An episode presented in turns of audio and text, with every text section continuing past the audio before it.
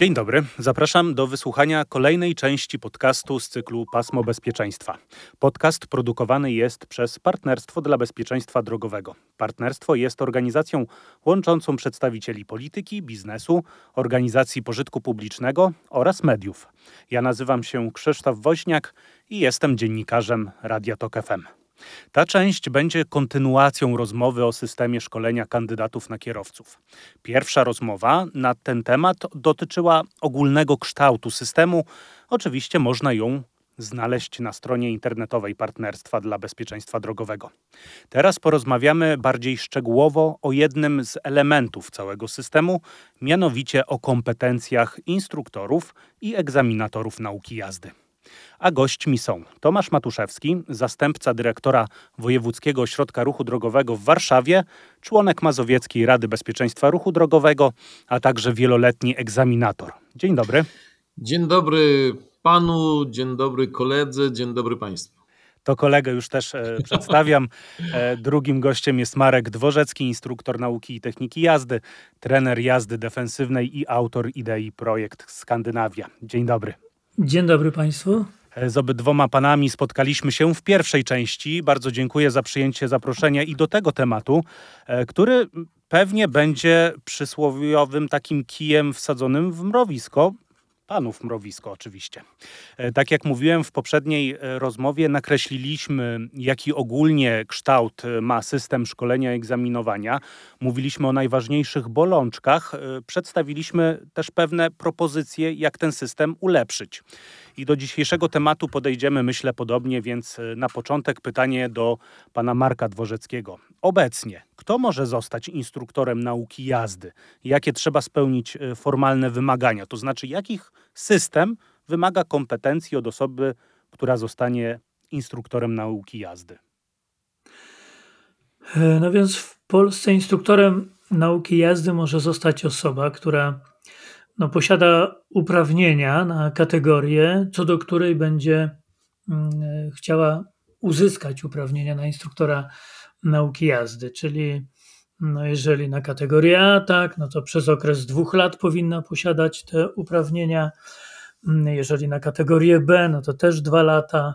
No i w zależności od kategorii, na przykład B plus E czy C1, C, C plus E to trzyletnie. Co jeszcze? No, na przykład posiada też ważne orzeczenie lekarskie, czy orzeczenie też psychologiczne, czy są to dwa rodzaje e, badań E, no i co ukończyła też z wynikiem pozytywnym kurs dla kandydatów na instruktorów. No i posiada oczywiście takie zaświadczenie też. E, również e, no, musi zdać też egzamin taki sprawdzający kwalifikacje przed komisją powołaną przez wojewodę. Mhm. Są jeszcze też wymagania takie natury też formalnej, czyli... Panie Marku, pozwoli pan, że dopytam, a ten egzamin taki na instruktora nauki jazdy, e, czy też właśnie e, to sprawozdanie przed komisją odpowiednią, to ono jest jakieś wyjątkowo mm, inne niż te, które kandydat e, na kierowcę zdaje.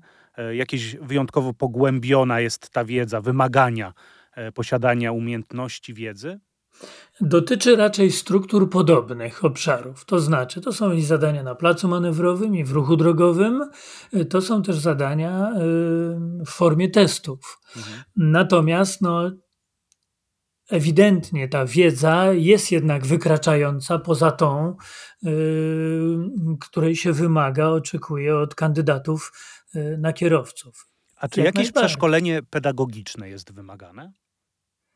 E, wykształcenie pedagogiczne? Nie, jakieś, jakieś wykształcenie, podejście, odbycie kursu, znajomość, możliwości nie. przekazywania wiedzy wyjątkowa. Tego, tego typu wymagań nie ma. Oczywiście w czasie kursu dla kandydatów na instruktorów są zajęcia i teoretyczne, i praktyczne, a w zakres zajęć tych teoretycznych właśnie porusza się problematykę mm, czy wypadków drogowych, czy psychologii transportu, etyki zawodu instruktora, a między innymi zasady prowadzenia zajęć dydaktycznych. I nawet sporo jest y, pytań odnośnie dydaktyki.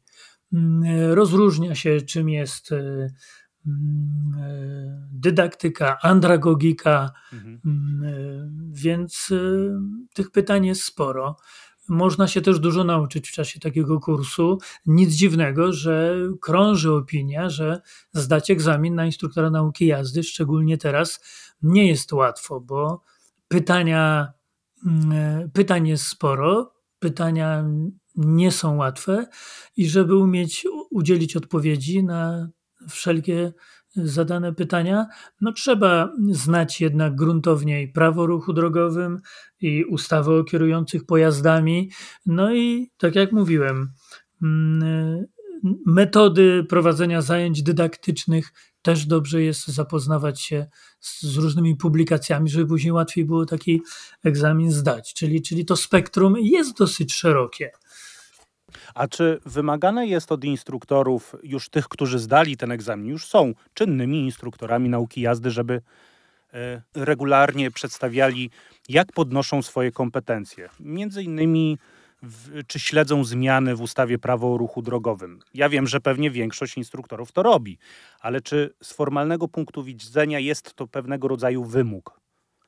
Tak, z formalnego punktu widzenia jest to wymóg, dlatego że nawet artykuł 37 ustawy o kierujących pojazdami mówi o tym, że corocznie powinien instruktor uczestniczyć w warsztatach doskonalenia zawodowego, między innymi, że rzetelnie i bezstronnie powinien wykonywać swoje obowiązki, że powinien poszerzać wiedzę zawodową. To jest to, o co, o co pan redaktor zapytał.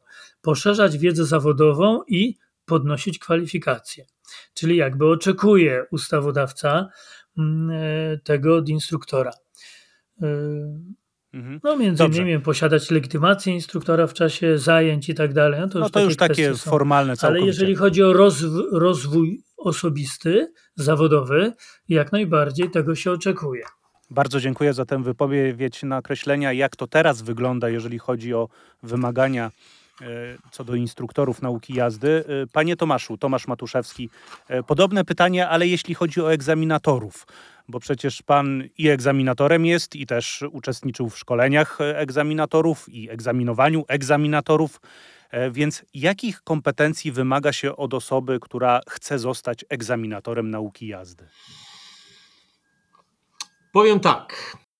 Jako ktoś, kto no już z górą ponad 25 lat y, zajmował się szkoleniem egzaminatorów i zajmuje, w międzyczasie chyba z 11-12 lat egzaminował kandydatów na egzaminatorów, że te kompetencje są bardzo słabo określone. I te kwalifikacje, te wymogi, które my dzisiaj mamy wyłącznie e, jako wymóg dla kandydata, czyli tutaj jest moment właściwy, żeby powiedzieć, że musi taki kandydat na egzaminatora mieć 23 lata.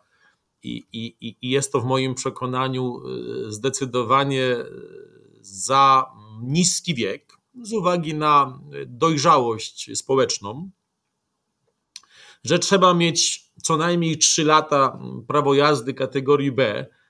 I tu znowu sobie pozwolę na ocenę, i to jest zdecydowanie za mało, żeby, żeby mając jedynie doświadczenie trzyletniego posiadania prawa jazdy, czyli nawet tutaj się nie mówi o praktyce, e, już móc być egzaminatorem. Trzeba spełniać e, odpowiednie wymagania zdrowotno-psychologiczne, czyli trzeba uzyskać orzeczenia o braku przeciwwskazań, zarówno zdrowotnych, jak i psychologicznych, do wykonywania czynności egzaminatora. Trzeba odbyć kurs kwalifikacyjny. Taki kurs kwalifikacyjny to jest około 170-180 godzin, około, tak troszeczkę zaokrąglam. Trzeba złożyć egzamin weryfikacyjny przed komisją powołaną przez ministra. I taki egzamin to jest egzamin najpierw teoretyczny, który jest przeprowadzony w formie testu, 20 pytań, każde pytanie jest punktowane, trzeba, trzeba zdobyć minimum te 34 punkty, żeby, żeby go zdać. Potem jest egzamin praktyczny, który tak naprawdę jest takim dwuobszarowym, bo zarówno trzeba pokazać, że umie się jeździć, czyli wykonać zadania egzaminacyjne, jak i umieć pokazać, że potrafi się, że potrafi się egzaminować czyli, czyli zarówno dobierać trasę, wyznaczać zadania, jak i właściwie oceniać. Yy, dodatkowo, chcąc być wpisanym do ewidencji egzaminatorów, bo to dopiero daje prawo do egzaminowania prowadzonej przez każdego z marszałków, należy dać rękojmie należytego wykonywania swoich obowiązków, nie być skazanym prawomocnymi wyrokami sądu za różnorakie bez e, przestępstwa. Przede wszystkim chodzi o przestępstwa przeciwko e, bezpieczeństwu w komunikacji, przeciwko, znaczy popełniane w celach osiągania korzyści majątkowych lub osobistych, przeciwko wiarygodności dokumentów, przeciwko e, wolności seksualnej, obyczajowości i jeszcze kilku, bo nie chcę też tak z pamięci wszystkiego wymieniać. No i wtedy ktoś taki zostaje e, egzaminatorem, otrzymuje swój numer ewidencyjny i może starać się o zatrudnienie, czyli tutaj mamy taki wyraźny podział na egzaminatorów zatrudnionych i niezatrudnionych. Zatrudniony jest zobowiązany do tego, żeby co roku odbywać trzydniowe warsztaty organizowane przez dyrektora Wojewódzkiego Ośrodka Ruchu Drogowego i w ten sposób przedłużać swoją tak zwaną licencję, czyli nie być skreślanym z y, ewidencji egzaminatorów, jak również przedstawiać y, marszałkowi w okresie wskazywanym przez te orzeczenia, czy lekarskie, czy psychologiczne, y, cały czas tą zdolność zdrowotno-psychologiczną do pracy jako Wykonywania egzaminator. Zawodu. Tak to wygląda od strony formalnej i tak jak powiedziałem na początku. A no właśnie, na, na początku pan powiedział, że to jest niewystarczające. E, żeby nad tym się w tej chwili bardzo, bardzo gruntownie pochylać, bo są to przepisy, które tak naprawdę powinny być e, zmienione, a powinno to być poprzedzone i to od razu powiem, y, opisem y, kwalifikacji y, kogoś, kto chce być egzaminatorem. Mhm. No właśnie, i to jest bardzo ciekawa rzecz. I jedna jeszcze sprawa, którą chciałbym z Panami uściślić. Czy w czasie procesu nadawania uprawnień, czy to na instruktora nauki jazdy, czy egzaminatora, sprawdzana jest historia, w jaki sposób taka osoba jeździła, jakim była kierowcą? Na przykład przez dane, które mogą się teraz znajdować już w centralnej ewidencji kierowców. To znaczy, czy e, taka osoba dość często była przyłapywana na popełnieniu różnego rodzaju wykroczeń drogowych, ile ma punktów karnych, jaka ogólnie jest jego historia jako kierowcy. Panie Marku. Tak, bierze się to pod uwagę, przy czym no, w moim odczuciu e, samo, e, sama czysta karta, tak to nazwijmy, czysta karta w ilości punktów, y, że ktoś nie był y, skazany prawomocnym wyrokiem, o tym, o czym wspomniał mm, pan Tomasz, bo to te same wymagania dotyczą też kandydatów na instruktorów. Mm, y, samo to nie świadczy o tym, w moim odczuciu, że mamy do czynienia z dobrym kierowcą. Powiem więcej. Nawet jeżeli ktoś świetnie technicznie prowadzi pojazd, nie oznacza to, że mamy do czynienia z dobrym kierowcą, dlatego że zwyczajnie jest w grupie podwyższonego ryzyka. Specjaliści od jazdy defensywnej świetnie by to wyjaśnili. Dlaczego? Bo właśnie w zestawieniu człowiek defensywny, a Y, który nie do końca z techniką jazdy może sobie radzić, czyli zwyczajnie nie był dobrze nauczony tej techniki jazdy. Jeździ, no jak jeździ, ma pewne tam nawyki, inaczej trzyma koło kierownicy, dłonie na kole kierownicy, inaczej tam mechanizmami służącymi do sterowania pojazdu, nie tak jak powinien profesjonalnie posługuje się, ale posiada świadomość zagrożeń i jest po prostu bezpieczniejszym kierowcą. Natomiast ten, który E, opanował bardzo dobrze technikę jazdy, prawidłową technikę jazdy, ja nie twierdzę, że jest gorszym kierowcą, to było to taki paradoks, ale nie ma gwarancji, że będzie należał do grupy dobrych kierowców. Więc odpowiadając na pytanie pana redaktora, czy jest to analizowane? Oczywiście, że egzaminatorzy sprawdzają, jak prowadzi pojazd y, ten kandydat na instruktora w ruchu miejskim. Wcześniej jest, są zadania na placu też manewrowym, które zresztą za wiele jeszcze nie pokazują. W ruchu miejskim już tą technikę jazdy można się jej przyjrzeć, ale powiem szczerze, że nawet jeżeli w czasie kursu, y, gdzie zadania na mm, y, placu manewrowym i wiedza odnośnie techniki jazdy jest przekazana, nie oznacza, że jak przekazana wiedza, to że już ten kierowca, który ileś lat już ma prawo jazdy, a może dopiero raptem ma właśnie 3 lata prawo jazdy, jest młodym bardzo człowiekiem niedoświadczonym ze złymi nawykami, to przecież kurs taki mm, na instruktora nauki jazdy nie oznacza, że zmienił w nim nawyki, że on prawidłowo stosuje mm, technikę jazdy. No Wobec doskonale tego- to wiemy, że, że jeżeli chodzi o nabywanie pewnych kompetencji, czyli w tym przypadku możliwości bycia instruktorem nauki jazdy, to będziemy fantastycznym kierowcą. Mm, Wszystkie zadania zrobimy prawidłowo, które są przewidziane w danym egzaminie, a później no, trochę inaczej to wygląda, zresztą tak jak jest to z kandydatami na kierowców. E, Panie Tomaszu, czy y, ta historia y, bycia dobrym kierowcą lub gorszym kierowcą jest istotna, jeżeli chodzi o proces nabywania mm, uprawnień do bycia egzaminatorem nauki jazdy?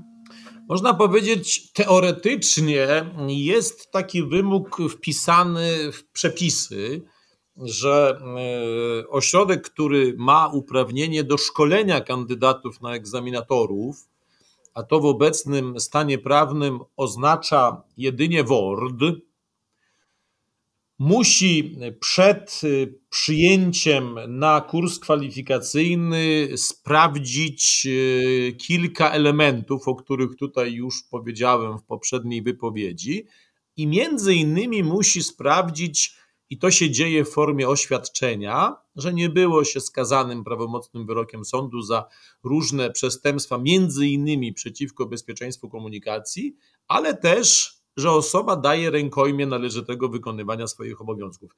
I to jest troszeczkę fikcja, bo ośrodki y, WORDy, przyjmując kandydatów na kierowców, y, korzystają jedynie z tej formy oświadczenia i na pewno nie y, wnikają chociażby w stan liczby punktów karnych na moment rozpoczęcia kursu, ani też nie mają dostępu do historii, jak gdyby y, jazdy tego kandydata. Ja bym tutaj chciał powiedzieć jedną rzecz, jako właśnie ten, że tak powiem, człowiek, który jest z poligonu i tyle lat się tym zajmuje. Kiedyś kurs rozpoczynał się egzaminem wstępnym. Zarówno kurs na instruktora nauki jazdy, jak i na egzaminatora. Dzisiaj nie ma obowiązku przeprowadzania takich egzaminów wstępnych i z tego co wiem, to nie znam ani WORD-u, ani żadnego OSK spełniającego dodatkowe wymagania, które by takie egzaminy wstępne prowadziły. Te egzaminy kiedyś pozwalały przede wszystkim powiedzieć to, o czym powiedział pan Marek, czyli czy osoby mają na tyle wiedzę fundamentalną już, tą nazwijmy podstawową, żeby mogły wchodzić na levele wyższe, a w przypadku, no, gdzie ustawy przecież tego nie zabraniały, ja mówię o sobie teraz, gdzie ja też wprowadzałem egzaminy z jazdy wstępne, chciałem się bowiem przekonać, jaki był standard tego kandydata na instruktora czy egzaminatora, i często się niestety zdarzało, że z owych kandydatów, czy na instruktora, czy na egzaminatora,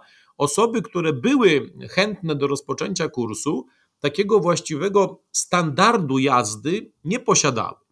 Yy, Warto by przemyśleć powrót do tamtych przepisów, które przecież yy, nie tak dawno dopiero zlikwidowano, bo jako obecny wykładowca no, kursów egzaminatorskich mam takie wrażenie, że bardziej one zaczęły przypominać kursy dla kandydatów na kierowców, przynajmniej w niektórych przypadkach. To znaczy, próbując y, omawiać y, troszeczkę głębiej y, znaczenia pewnych regulacji, czy to regulacji formalnych, czy to tematyki techniki kierowania, taktyki, czy nawet chociażby kwestia rozumienia potrzeb innych uczestników ruchu drogowego, nie mówiąc już o jakimś takim sposobie dokonywania oceny sytuacji drogowej, ale też i oceny zachowania kierującego, to tutaj są pewne braki.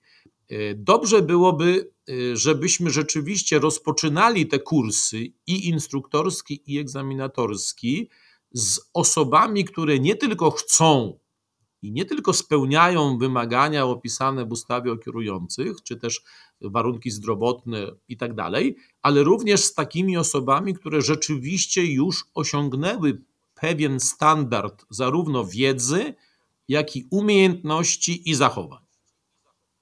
Mhm, czyli rozumiem, że ten egzamin wstępny taki to miałby być mm, pewnego rodzaju pierwszym filtrem, tak. który e, ma wypuścić osoby z tym podstawowym, wymaganym doświadczeniem, tylko no dobrze, pytanie, kto miałby określić te podstawowe doświadczenie?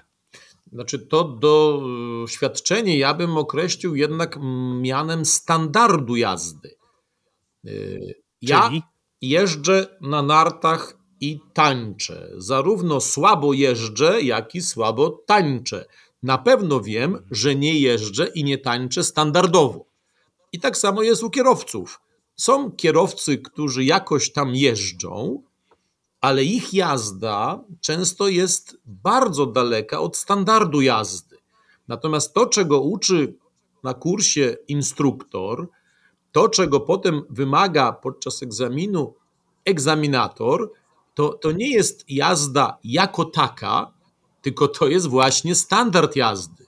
Więc nie może tak być, że ktoś, kto uczy lub egzaminuje, sam nie ma utrwalonego, czyli zinterioryzowanego standardu zarówno jazdy, ale też i rozumienia e, zasad ruchu, bo ja tak może troszeczkę e, przewartościowuję kwestie praktyczne, one oczywiście są ważne, ale to jest też kwestia, że myśmy ostatnimi laty doprowadzili do umniejszenia, i tu nie chodzi o wiedzę o przepisach, tylko rozumienia znaczenia i celowości i roli przestrzegania przepisów ruchu drogowego w bezpiecznych i nieryzykownych zachowaniach.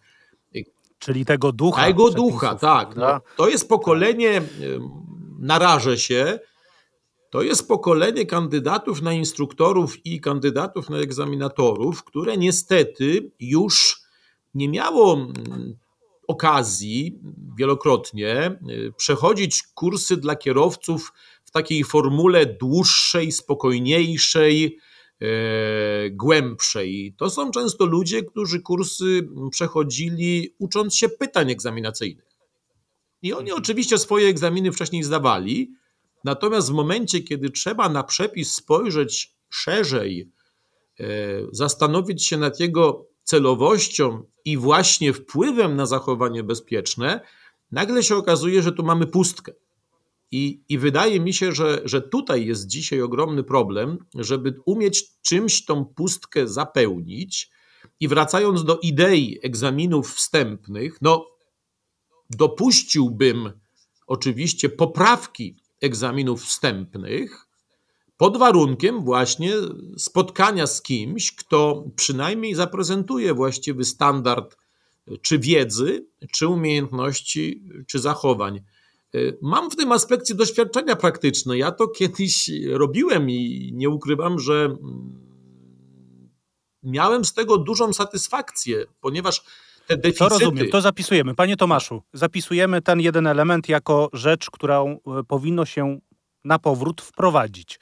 A tymczasem y, przechodzimy z powrotem do kwestii związanych z instruktorami nauki jazdy. Marek Dworzecki, czy takiego rodzaju egzamin wstępny również miałby sens i uzasadnienie, jeżeli chodzi o proces nabywania doświ- możliwości bycia instruktorem nauki jazdy, a nie egzaminatorem.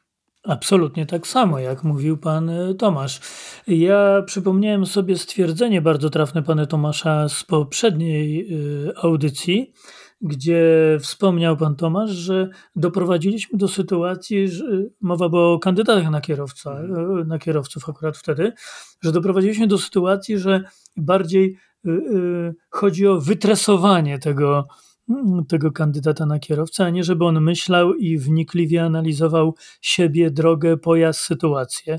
I faktycznie tak jest. Więc podobnie i jeżeli chodzi o kandydatów na kierowców, absolutnie mm, powinniśmy wprowadzić coś takiego, że nie tylko powinna być mm, wstępna analiza wiedzy takiej teoretycznej, ale również i tej praktycznej, bo wiedza teoretyczna jest ważna, ta, ta umiejętność odpowiedzi, y, udzielenia odpowiedzi na konkretne pytania. Wiadomo, że to jest ta podstawa i ona jest istotna, ale jednak to, co jest tym, tym stricte, y, gdzie drzemie tam umiejętność i bezpieczeństwo, to jest podejście do jazdy, podejście do, do ludzi podejście do samego siebie jako człowieka, jako człowieka odpowiedzialnego, świadomość prawa, empatia. E, no, nawiążę znowu z uporem maniaka.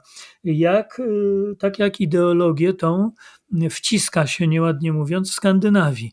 Mhm. E, jeżeli mogę, to jeszcze zdanie czy dwa na temat, skoro już zacząłem Skandynawii. Podam Bardzo przykład, proszę. gdzie wśród kandydatów na kierowców wiadomo, że są dziewczęta i są chłopcy, to są młodzi jeszcze ludzie. Nie ukrywa się w programie szkolenia ani w mediach, że y, mężczyźni, konkretnie chłopcy, młody chłopiec, jest od trzykrotnie do pięciokrotnie bardziej niebezpieczną osobą niż, yy, niż dziewczyna niż mhm. kobieta. I oni rozumieją dlaczego. My żyjemy troszeczkę w odmiennej zupełnie świadomości. U nas kobiety dały się złapać na stereotyp, e, myślą e, tak pokornie, jak to się mówi, tulą uszy po sobie, bo myślą, że to mężczyźni wyssali to z mlekiem matki. My z mlekiem matki nawet nie wysysamy cech charakteru, tylko dopiero później nabywamy cech charakteru. Ja sobie pozwolę to określić w taki brzydki, stereotypowy sposób. Baba za kierownicą i proszę tak. nie brać tego do siebie, to jest tylko określenie, z którym ja się kompletnie nie zgadzam. Więc ja, tak jest, więc ja wciąż, jak mam do czynienia z osobami szkolonymi, które są dziewczętami, kobietami, to wciąż wyciągam ich z tego stereotypu.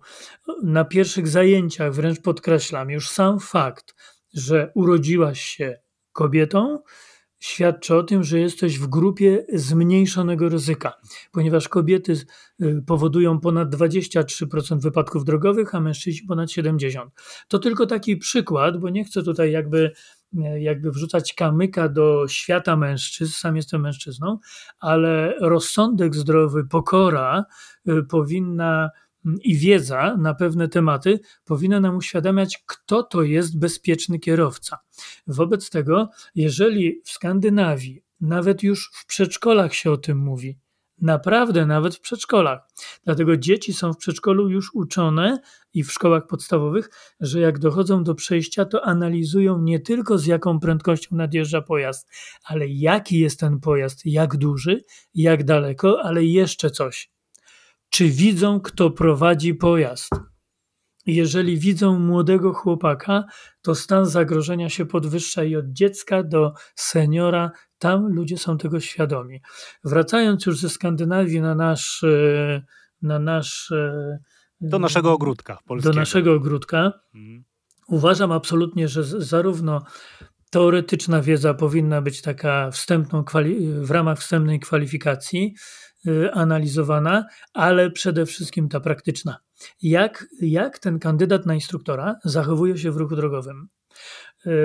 Można mnóstwo sprawdzić rzeczy. To nie jest tylko kwestia, jak, w którym momencie zmienia biegi, albo, albo czy się zatrzymał na znaku stop, czy, czy nie próbuje przejechać na pomarańczowym świetle, czy czerwonym i tak dalej. To jest za mało. Czy nie zauważył znaku nakaz jazdy w lewo, a próbuje kontynuować jazdę w niedozwolonym kierunku. To jest za mało. Powtarzam jeszcze raz, powinno się analizować Y, sztukę jazdy defensywnej. Teraz powstaje pytanie, jak my mamy analizować sztukę jazdy defensywnej, jak ani w, w ustawodawstwie, w żadnym rozporządzeniu takie słowo nie pada. I znowu wracam do Skandynawii. A w Finlandii, w Norwegii, w Szwecji, w Danii pada. Na stronach nawet rządowych padają takie określenia.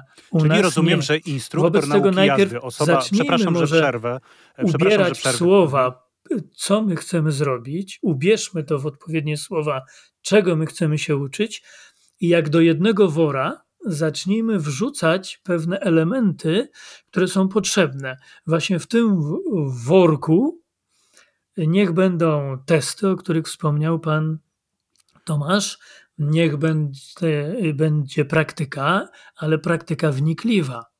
Mhm. E, Rozumiem. To, to, to drogowym, również, nie również zapisujemy jako kolejny no, element. Te trzy zadania pokazują. E, dopisuje to kolejna rzecz do zmiany potrzebnej, czyli zaznaczenie, że i wymagania e, znajomości praktycznego stosowania jazdy defensywnej. To jest bardzo istotnie również od, a może i przede wszystkim od kandydatów na instruktora nauki jazdy. A proszę mi powiedzieć, ile razy y, do kandydata na kierowcę powiedział pan, że no niestety, ale wydaje mi się, bądź moim zdaniem, nie powinien pan, pani być kierowcą? Y, były takie przypadki, ale to już były osoby naprawdę z dysfunkcjami. I to poważnymi z dysfunkcjami, gdzie w głowę zachodziłem jak y, no, z jednej strony w głowę zachodziłem, ale z drugiej strony rozumiałem, z czego się to bierze. Po prostu osoby te przeszły badania te medyczne, o których wspominał pan Tomasz, mhm. E, ale przecież nie przechodziły badań natury psychologicznej. Nie przechodziły też te osoby badań e, psychiatrycznych. A takie osoby bywały u mnie w pojeździe. Wobec tego takie osoby wtedy musiały usłyszeć, że z tymi dysfunkcjami nie będzie łatwo zdać egzaminu, chyba że będzie to praca wręcz długoletnia.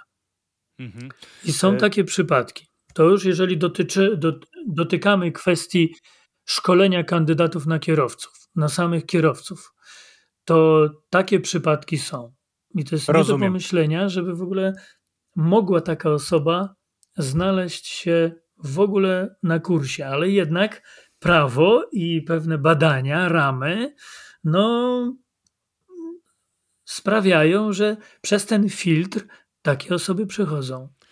Bardzo dziękuję. Pan Tomasz Matuszewski, proszę mi powiedzieć, jakby miał pan y, tak filozoficznie podejść, a wiem, że nie jest pan obca. Y, kto jest odpowiedzialny za to, że kandydat na kierowcę nie zdał egzaminu na prawo jazdy? Złożona odpowiedź tutaj się na usta nasuwa, natomiast niewątpliwie e, brak pewnej prawdy. Tak? Skoro e, pan redaktor mnie w kierunku filozofii. Bo tak myślałem, że tak, w tę stronę pójdzie. Brak pewnej prawdy, tak? E, ta prawda zaczyna się na etapie instruktorskim, kiedy bez może celowości, y, bo przecież byłem tyle lat instruktorem, tak? Nie, nie jest łatwo powiedzieć człowiekowi, y, że się nie nadaje. Człowiek ma tą nadzieję, że y, coś się stanie i będzie lepiej. Nie jest łatwo i nawet kiedyś zapłaciłem za to dwukrotnie w mojej karierze cenę. Jeszcze wojewodowie nadzorowali instruktorów, kiedy zatrzymałem osoby przed egzaminem, nie dopuszczając ich do egzaminu państwowego, twierdząc, że godziny, które e, wyjeździły, e, po prostu jest ich za mało. Pomimo tego, że w czasach, kiedy ja szkoliłem, Potem wprawdzie ten przepis zniknął w 92, ale do 92 roku ja musiałem po każdej lekcji wystawić ocenę człowiekowi.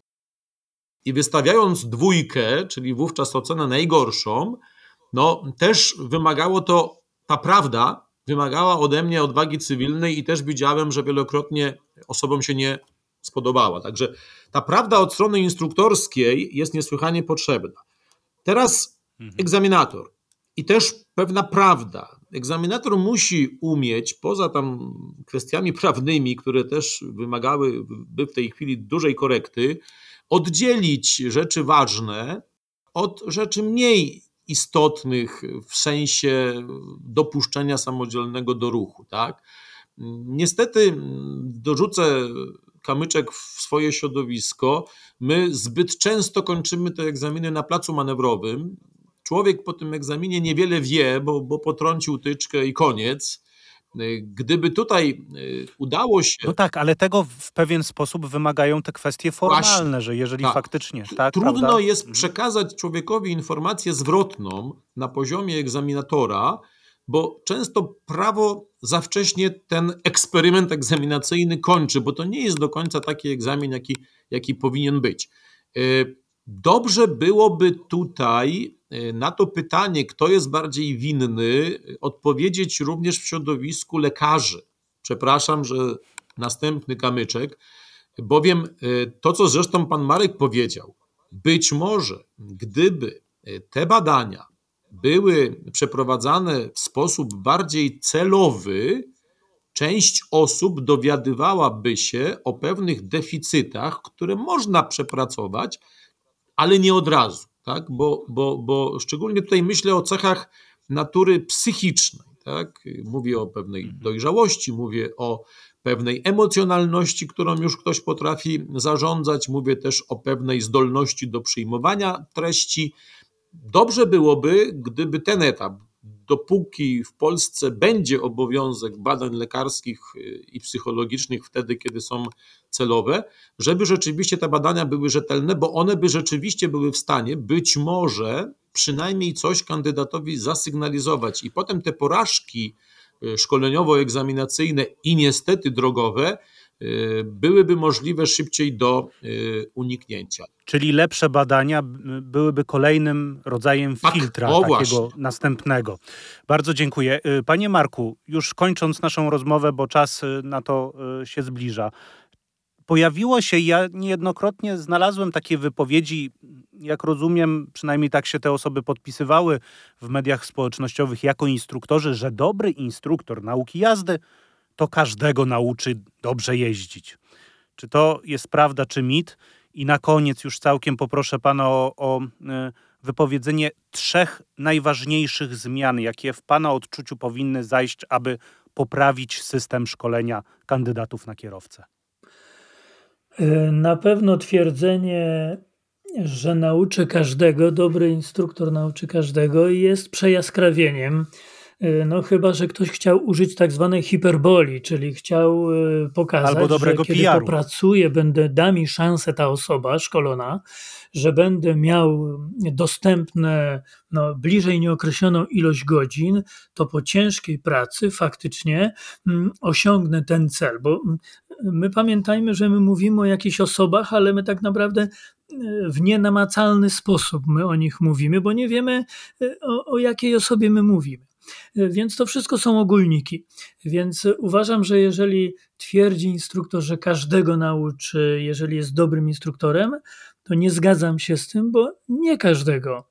No, nie nauczy osoby, która, powtórzę, ma pewne dysfunkcje, która ma problemy natury psychicznej, już nawet pomijam kwestie psychologiczne, etyczne, e, ale jak poczytamy pewnych książek, skąd się bierze y, zagrożenie też w ruchu drogowym, to tutaj również jest braków intelektualnych.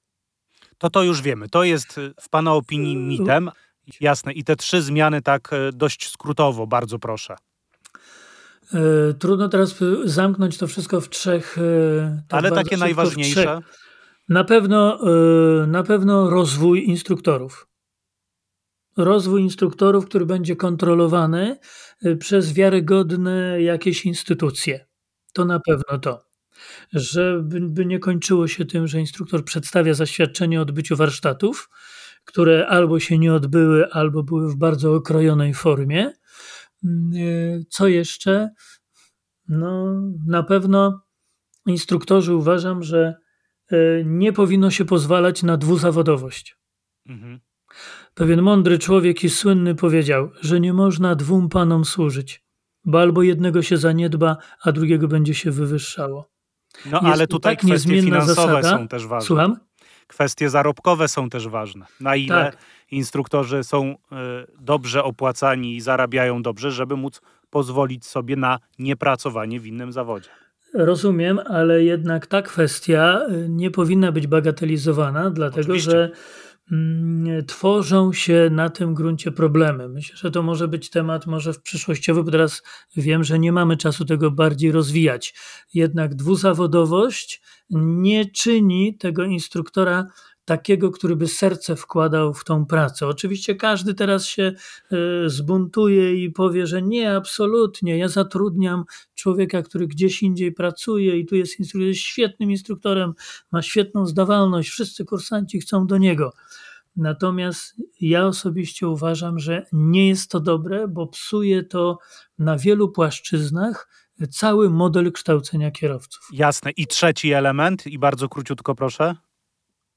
Trzeci element uważam, że każdy instruktor nauki jazdy powinien e, zdobyć uprawnienia instruktora techniki jazdy, miałby większą wiedzę, bo tam jest troszeczkę inny też program, e, poszerzony i innych e, dotyczy mm, obszarów więc to by się na pewno przydało. Uważam osobiście też, że każdy egzaminator powinien y, posiadać uprawnienia instruktora techniki jazdy, skoro w protokole egzaminacyjnym ocenia technikę jazdy, bo nawet na ulicy widać, jak prowadzą egzaminatorzy pojazd i z daleka widać, że z techniką jazdy są na bakier. Bardzo Wobec dziękuję, bardzo dziękuję, rzeczy. bardzo dziękuję. Tomasz Matuszewski, jedno pytanie y, i oczywiście te trzy najważniejsze zmiany. Na ile właśnie kwestie formalne blokują możliwość tego wymiaru edukacyjnego również egzaminu na prawo jazdy? One mm, blokują najbardziej w części egzaminacyjnej, myślę tutaj o tym, że plac manewrowy staje się warunkiem wyjazdu do miasta. I, i, I można by dzisiaj y, przeanalizować y, zmianę pewnej koncepcji egzaminu praktycznego dla, dla kandydata na kierowcę. I, I przy okazji, skoro już tutaj omawiam ten egzamin, to bardzo palącą rzeczą jest to, żeby wprowadzić wzorem innych krajów, wyżej niż Polska zmotoryzowanych i o lepszym wskaźniku bezpieczeństwa, niemożliwości zdawania egzaminów poprawkowych ad hoc. Zresztą te regulacje w Polsce kiedyś były, myśmy się ich pozbyli, nie wiem, nie wiem dlaczego. To by dość mocno, a to jest cały czas ta strona formalna, wpłynęło na y, motywację przygotowania się do egzaminu, ale również i na sam egzamin. To od strony formalnej. A te trzy rzeczy. Za y, kolegą Markiem powtórzę, musimy większy akcent y, przykładać do kompetencji i kwalifikacji instruktorów i egzaminatorów czyli zmieniona formuła doboru ich jako kandydatów na kandydatów, chociażby przez ten egzamin, o którym powiedziałem, troszeczkę inny układ przedmiotów z większym zwróceniem uwagi na sferę kompetencji miękkich, i to jest ten, ten, ten, ten pierwszy warunek. Drugi warunek E, zdecydowanie e, zmiana sposobu uzyskiwania przez szkolących, czy to będą kierowcy, czy instruktorzy, czy egzaminatorzy, feedbacku szkoleniowego. Często te procesy są